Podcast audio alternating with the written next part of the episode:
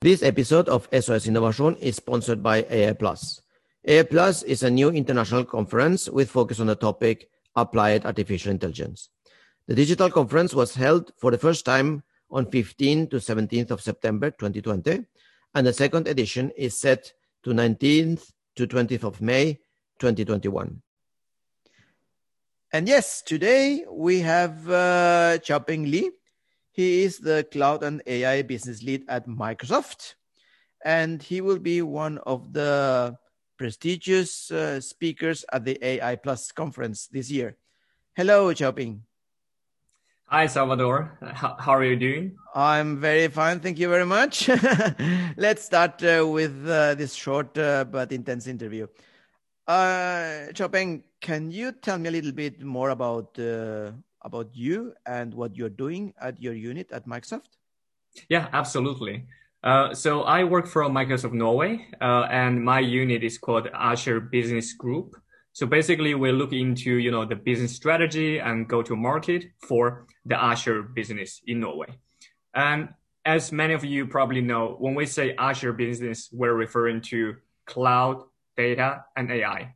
So that's focus areas of ours and that's one of the reasons why we want to you know join this partnership with the ai plus conference and really trying to spearhead uh, the ai space in norway. Perfect. Very very well. And what will be the subject of your speech then at the ai uh, plus conference? Because now i'm yeah. really excited.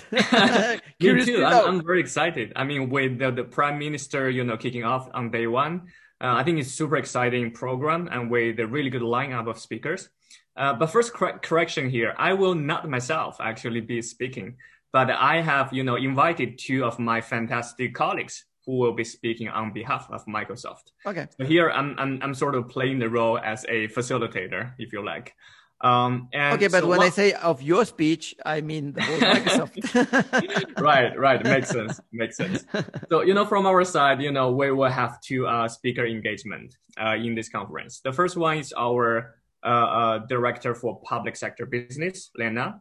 Uh, so she is a, a, quite active speaker out there, you know, in the public space, uh, and and she has a very strong passion for uh, for AI uh, in particular. So she will talk about you know our perspective on responsible AI. So basically, you know, how we use AI for for for a good purpose, but at the same time also practice AI in a responsible and ethical way. Uh, so I really look forward to her talk, and she would also, you know, bring some really good examples from our customers and partners onto stage, the virtual stage, of course. Uh, so that's something to uh, to look forward to. Wow, uh, and then I have my yeah, and then I, have my colleague Isabella, uh, who works as a data AI specialist, but also leads the local startup team. so so she you know has a lot of experience working with the data AI solutions, but at the same time you know working with smaller organizations like startups uh, to help them get started using AI. Uh, so that will be the topic of the panel discussion where she will be part of. Uh, so I think that's going to be very exciting as well. So we also, you know, blending uh, the perspective not only for large enterprises but also for smaller organizations. I think that would be quite interesting uh, to hear. Yeah, perfect. And because uh, the the whole spirit of this AI Plus conference is applied AI. how yeah. do you how do you start? How do you set the wheels in motion? How do you apply and use AI, both, uh, of course, in, in big corporations and also in small and medium enterprises? Yeah, absolutely. Especially, you know, looking at the Norway's economy, you know, we have a lot of, you know, fast growing and very strong, very exciting startups or small businesses. Uh, and they actually take up a large part of the economy. And also from a cloud business point of view, those companies are sometimes even growing uh, growing faster than larger uh, larger enterprises. So definitely, I think there's a tremendous opportunity for them to tap into the power of AI, and and obviously we are here to support. Perfect. And uh, okay, uh, I think that we have uh, talked a lot about that already. But anyway, I wish I should ask you: Why should anyone, everyone, attend the AI Plus conference?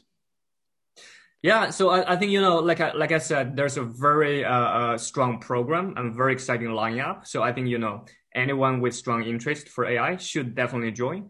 Uh, but in particular, I think there are a few categories of you know audience I would would like to you know uh, in particularly uh, welcome to this conference. Uh, the first type are, you know, uh, leaders and uh, decision makers in both commercial industries and also public sector. I think it's very important for leaders to understand, you know, the, the, the application and implication of AI so that they take AI into account when they do business planning, when they make business decisions. Uh, because at, at the end of the day, AI is not a technology per se, it's a tool to solve business problem. Uh, and the second category, uh, I think it would be uh, the professionals, you know, who work with, uh, you know, data analytics, AI, machine learning, data science, engineering, etc.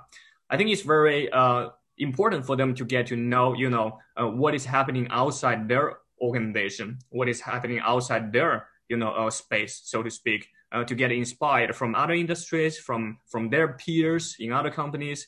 Uh, I think you know that's how we create a more you know, a, a, a better community where we share best practices with each other.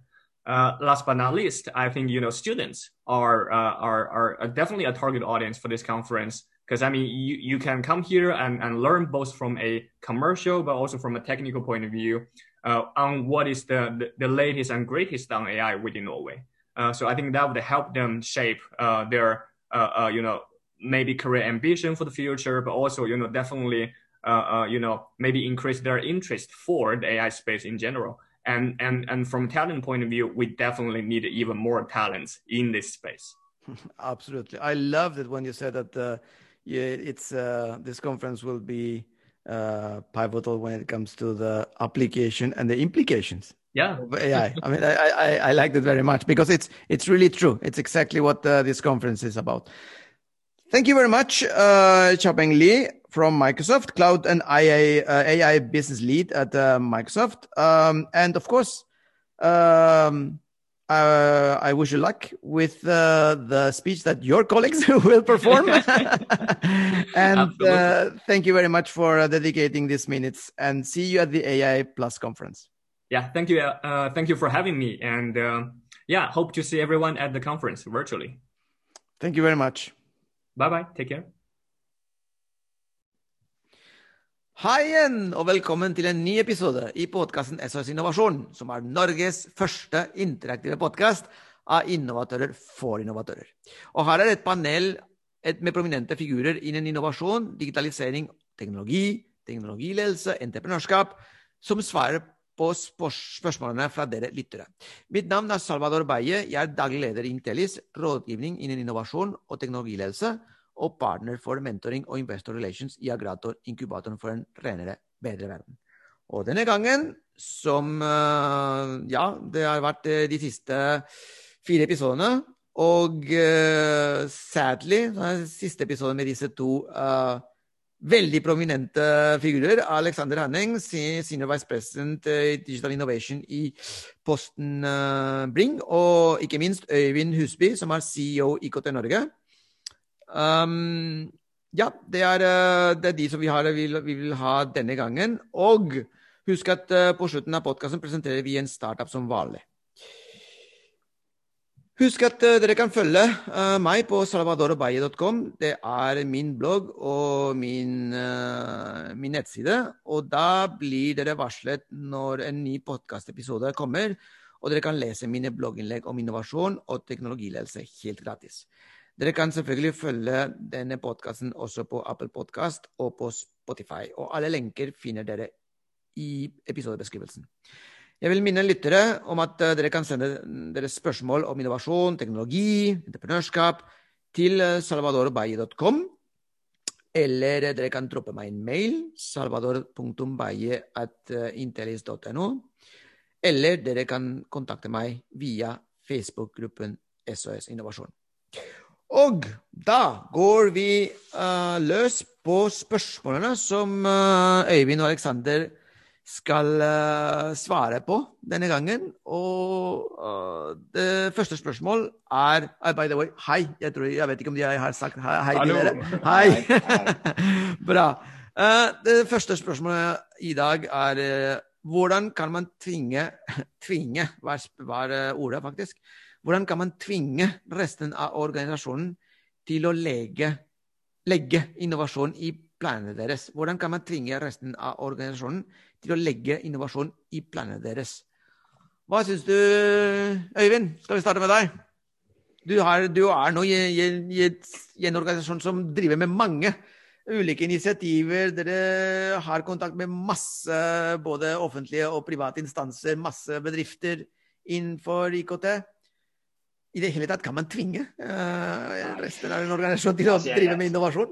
Nei, Jeg tror ikke tvinge er, er, godt, uh, er, en god strategi for å få til motivasjon. Altså Motivasjon kommer av kreativitet, av glede, av skaperkraft, av, av, av, av eh, ønske om å forbedre ting. Så, så, tvang tror jeg er et dårlig utgangspunkt for å få til tingene der. Uh, men men jeg tror man må legge inn uh, altså Det dreier seg gjennom ledelse, hvordan man ønsker å, å, signalisere og legge til rette for at man skal drive innovasjon. Man må ha tid til å drive med innovasjon. I forhold til planene også, så, så kan man enten velge å sette så, så strenge krav i eh, leveransene, i måloppnåelsen, at det, man er helt nødvendig å få til innovasjon. Eksempel sånn som NVE gjør i forhold til kraftsektoren, så får de mindre og mindre penger hvert år. Så de må innovere for å klare å få ned kostnaden for å få overskudd. Du kan jo sette bare at nei, det skal dobbelt så fort neste år. Men du kan ikke jo dobbelt så fort, eller dobbelt så sakte, eller, eller halvparten prisen. Og så får du bare finne ut hvordan du skal gjøre det. Så du kan jo, du kan jo tvinge, tvinge anførselstegn gjennom at man setter så høye krav.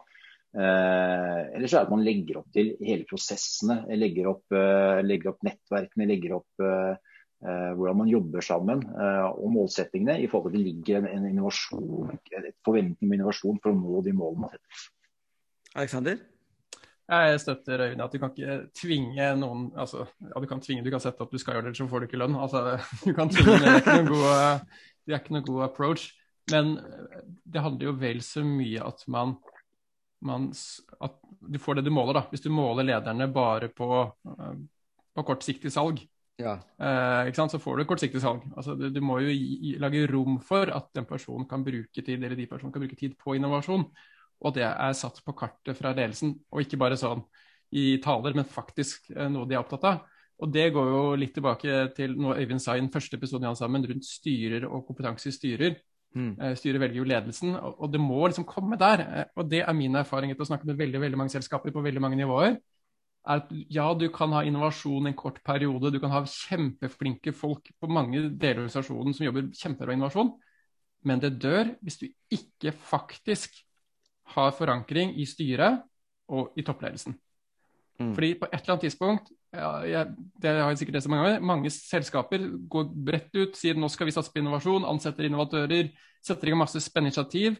Så går det to-tre år, og så går det litt dårlig, og så skal du kutte, og så kutter innovasjonsavdelingen, for den, ja. den påvirker jo ikke salget på kort sikt. Og så gjør de det noen år, og så sparte de pengene, og så to-tre år seinere sier de ja, nei, nå skal vi satse på innovasjon, for de ser shit, vi må jo ha noe å leve av. Og så ansetter de nye innovatører. Uh, vet, du det, vet du hva det verste med den pendelgreia er? Er at de nye som kommer inn i den nye innovasjonsavdelingen, begynner, og det har jeg sett dessverre, begynner å gjøre de samme feilene som det, den, den, den, første innovasjonsteamet etter hvert lærte å ikke gjøre. Mm. Du mister hele læringen. du mister noe... hele læringen. Og så er det noe med at når jeg, er veldig opptatt av at en viktig poeng med uh, corporate innovation, uh, det handler jo om to ting. Det ene er at, at selskapet skal overleve over tid. For nye mm. ben å stå på. For det kommer en disrupsjon i markedet, eller man må pivotere, eller, eller noe annet. Mm. Og da ha noen nye ben å stå på. Uh, det er det ene. Og det andre er å bygge innovasjonskapabilitet i selskapet. For et selskap er veldig lett for å bli fokusert på det de driver med i dag, og optimalisert for det. Men det å faktisk bygge en lærende organisasjon, ha de riktige digitale plattformer, ha forankring i ledelsen, det er, som, det er utrolig viktig for corporate innovation, mener jeg. Det klarer du ikke eh, på kort sikt. Det tar tid. Det tar tid å få de ideene. og i hvert fall når du snakker om en skala, hvis du er et stort selskap. Mm. Så selv om, du, sant, selv om, du, kommer med en ny businessområde som kanskje er verdt 200 millioner kroner, som er et kjempestort selskap i mange sammenhenger, så er det så lite i den store corporate-sammenhengen at det blir ikke mm. lagt merke til engang. Så, så, de må ha tid til å bygge seg opp til en verdi som faktisk kan bli det nye store selskapet skal leve av. Et sånn eksempel som alle bruker, er jo Kodak. ikke sant? Mm. Men det fascinerende med Kodak er jo at de, de hadde jo ikke mangel på R&D. De fant jo opp digitalkamera. Mm. De var markedsledende. Der var de supergode. Men de klarte ikke å nyttiggjøre seg den og faktisk transformere selskapet fra det som var utrolig lønnsomt, det med å selge film, selge fremkallingsvæsker. De tjente så mye penger at de ville ikke gjøre den, den transformasjonen. Og det akkurat det samme så du på Blockbuster Jeg bodde i USA for, for 20 år siden, og da husker vi gikk på Blockbuster. Det var en kjempeopplevelse å leie DVD og kunne leie Gamebox, Xbox når det var nytt osv. Det var kjempekult. Og Blockbuster den hadde jo en avdeling som drev med streaming. Som mm. hadde et produkt som var på høyde med Netflix. Mm. Men så så ledelsen på at ja, men de taper jo masse penger. Mm. Og så har vi den andre delen her, som er Blockbuster-butikken. Den tjener masse penger. Nei, vi legger ned den der som taper masse penger. Ja, da kom noen som, som okkuperte den nisjen. Kortsiktig veldig fornuftig. Langsiktig helt forferdelig. Men, det, men snakker vi da, Alexander, om at du, du, de er enig at det er utrolig vanskelig for en corporation å drive med kontinuerlig eh, disiplinert, fokusert eh, innovasjon som ikke er eh, hva kan jeg si um, organisk eller inkrementell. Um, men er det, er det og, og, og, vi blitt enige også, vi alle tre er enige om at nei, tvang er ikke kanskje det beste ordet å, å bruke, men, men, det dreier seg kanskje om insentiver? Ja, eh, det, det handler om insentiver. Eh, det gjør det absolutt. Men det er viktigere enn insentivene at man kan alltid putte på kopikartet at man skal, du skal ha så mange innovative produkter neste år. Og så ja, ok, hvordan gjør vi det, da? Og så kanskje relabler du det et eksisterende produkt og kaller det noe nytt, og så sier du ja, dette er et nytt produkt, og da har vi oppført den kopien. Det går veldig fort feil. Mm. Eh, så hvis ikke man genuint tror på at ledelsen gir rom for dette, gir, og det inkluderer feile eh, For det er ikke eksperimentering hvis det er en risiko for feil. Eh, og det må du gjøre når du går inn i helt nye områder, nye markeder. Så, så det må komme ekte fra ledelsen og over tid. Veldig bra. Øyvind, er du enig? Ja, jeg er enig i det. Og så er det, det ene er jo what you, what you measure, what you get. Så, så, så hvis, du, hvis, du, måler marginforbedringer og har full fokus på kost og optimalisering, så er det det du får. Da og da får du ikke innovasjon. Og så er det, problem, det er to problemer med det. Ene er jo at eh, effekten av innovasjon kommer gjerne litt ned i veien. Eh, så hvis det er kritisk at du må kutte kost eller optimalisere, så kan du alltid kutte på innovasjonsbudsjettet eller innovasjonsressursene du bruker nå. For at effekten kommer kanskje om tre år, men det er ikke sikkert den kommer. Så du må ha en langsiktighet på dette her for at du skal Eh, for at du skal kunne få det til. Og så er det ofte vanskelig å måle innovasjon. Det er lett å måle om du får 3% forbedring eller kan, eh, kan optimalisere, eller et eller annet, men innovasjon er vanskelig å måle. Det kan antall patenter eller antall lanseringer, mm. men det er, liksom, det er ganske langt ned i veien. Altså. Så det er også at man må ha rom for å drive med ting du ikke kan måle uh, i finansavdelingen, men hvor du ser at uh, jo, vi skal bruke 10 millioner hvert år på dette. Og Det er ikke målet at du skal ha noe avkastning, annet enn at du faktisk bygger kompetanse og at du prøver. Det er godt nok. Altså, du må, må ha et annet målsett også. Eh, og så er selvfølgelig eksempelet med Kodak eh, veldig spennende og lærer på veldig mange områder. Eh, I forhold til at man blir opptatt og blind for egen forretningsidé og egen forretningskonsept og egen, for, egen, egen verdiskapning og hva det på sine grunner. Og, og, ikke ser at det, det kommer nye ting eh, som er eh, mye bedre på sikt. Men som er veldig liten inntjening i starten. Da. Det er ikke mulig å matche fremkalling for Kodak i starten. Digitalkamera er bare en liten en filleting. Så mm. ble det stort, da. Og så solgte vi patentene til Google og Apple og Facebook etter hvert for, for uh, når de under Chapter 11. Så, så, de måtte gi fra seg til slutt også de patentene de hadde på digitale, digitale ting til de store amerikanske selskapene. De andre store amerikanske selskapene. Og Jeg er litt bekymret for at vi i Norge faktisk er litt sånn Kodak. da, At vi har så stor, så stor suksess med olje, og, og, at vi er blitt feite, late og blinde. Og, det, og, vi gjør ikke de nødvendige grepene som skal til for å komme over i den nye, nye økonomien. Uh, og det blir litt Kodak. Vi er for suksessrike og, og, og, tror for mye på det som allerede er suksessen i dag. Uh, I forhold til det som vi ser kommer. Men det er en annen, en annen diskusjon. Nei, det er en annen diskusjon, men det det er, det er en, en, viktig rolle i din, i din posisjon som administrerende i, i KT Norge, Øyvind, er det ikke det? Ja, absolutt. Min, min, ambisjon er jo å bidra til at vi klarer å digitalisere Norge, norske samfunnet, både privat og offentlig, lagt til rette for de beste rammebetingelsene. For jeg ser at løsningen på de store spørsmålene, som alt fra eldre til at vi skal over fra en fossilbasert til en datadrevet økonomi, eh, til alle de andre utfordringer med digital tillit og sikkerhet, det er helt avhengig av at vi lykkes med IT-sektoren og lykkes med, med alle de selskapene blant de jeg representerer for å få til dette her. Så jeg eh, ser på det som et samfunnsoppdrag å få Bruk, bruk, teknologi til å skape et bedre samfunn uh, i 2030 og 2060. Og du, Alexander, du, er, du er i Posten og Bring. Altså du, det er også en del av din, din, ditt bidrag til samfunnet å digitalisere Posten? Absolutt. Og vi er jo eid av alle, alle nordmenn. Vi er jo eid av staten, uh, selv om vi er en konkurranseutsatt uh, industri. Men det handler jo om at vi bidrar til samfunnet. Vi er jo en del av beredskapen i Norge, en del av matvareberedskapen. Vi, vi har en del samfunnsoppdrag.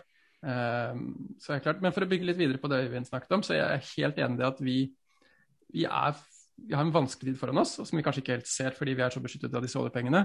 Så det er jo en grunn til at jeg var med å starte Digitalbar, som handler Det er helt privat, og vi tjener ikke noe penger på det, det er ikke sponset nå, men det er jo egentlig å samle folk som jobber med digitale ting på tvers av bransjer, på tvers av startup-etablerte, på tvers av roller og møtes og snakke sammen. For vi må snakke sammen hvis vi skal lykkes med det.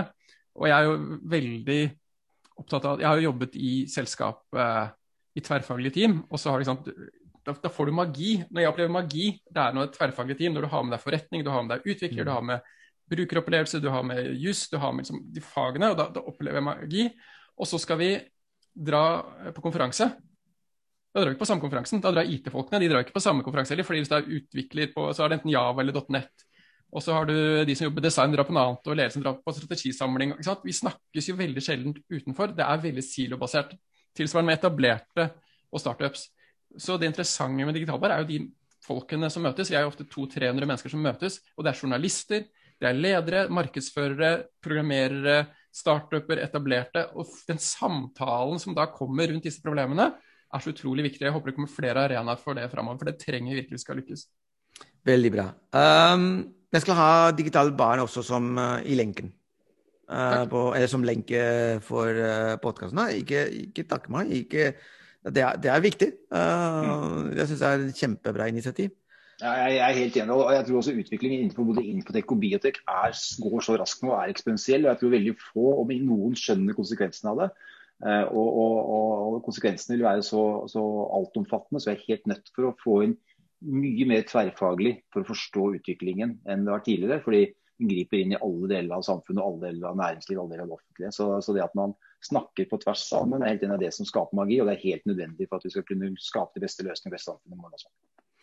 Veldig bra. Hvis du vil vite mer om disse temaene, eller du opplever en konkret problemstilling rundt innovasjon, teknologi og entreprenørskap, som du vil diskutere med meg, kan du alltid ta kontakt på salvadorbaye.com, eller dere kan droppe meg en mail salvador.baye.intelis.no.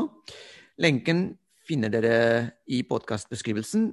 Og selvfølgelig på salvadorbaye.com kan du også finne eksempler av min aktivitet som rådgiver, coach, foredragsholder og konferansier. Og så går vi over til ah, det er så trist. Siste spørsmål med dere i panelet. Og uh, spørsmålet er følgende.